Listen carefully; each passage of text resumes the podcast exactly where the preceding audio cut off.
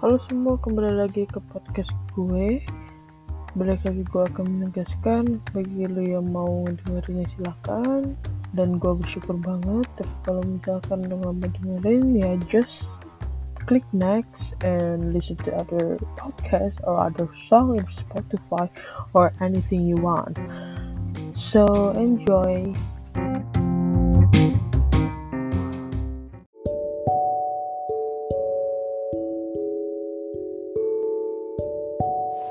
Halo semuanya.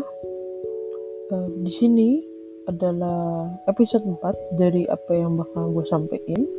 Episode 4 podcast gue. Dan kali ini gue bakal bercerita sedikit tentang percintaan mungkin ya. Oke, jadi ini dimulai dari semenjak gue SMP.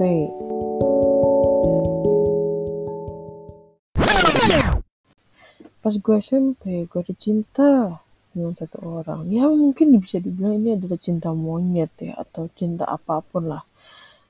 Tapi di saat itu gue merasakan sesuatu yang berbeda.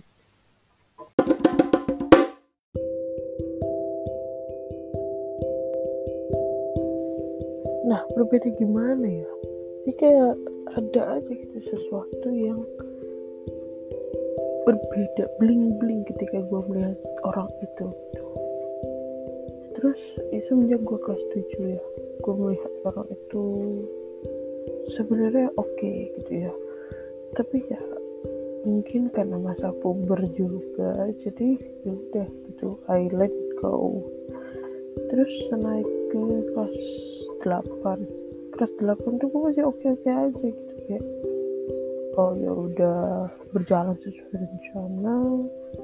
Terus gue suka lagi sama orang yang lain yang mana? Kejadiannya beralih ke kelas 9 dia jadi pacaran dengan teman gue yang satu lagi. Terus jadi deket terus kayak hmm, oke okay. kok gue berasa jadi nyambung di antara mereka gitu kan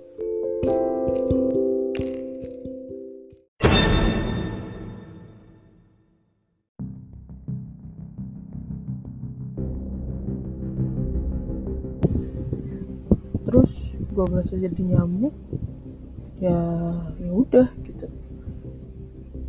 Eh tiba-tiba gue mendapatkan kabar yang tidak mengenakan gitu kan yang nggak mau gue cerita lah sekarang. Lah mari kita beralih ke masa-masa SMA gue masa-masa SMA gue gue juga sama satu orang di sekolah lama yang di sekolah swasta terus gue hmm, bilang nggak bilang sih cuman kayaknya terlalu utara gitu ya. Jadi ya udah sampai akhirnya gue pindah ke sekolah baru. Pindah ke sekolah negeri gitu kan. Terus di situ gue ketemu satu orang yang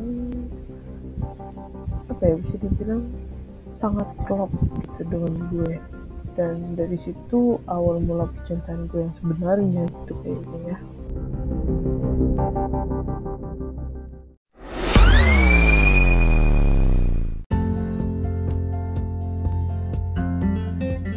Oke, selanjutnya gue ketemu dengan ini orang ya, yang mana jadi teman dan sahabat gue sekarang mungkin ya, nggak tahu nganggap gue apa sebenarnya. Terus gue udah sempet move on, hmm, tapi nggak berhasil. Dan akhirnya berjalan cinta 3 sampai 4 tahun ini secara sepihak.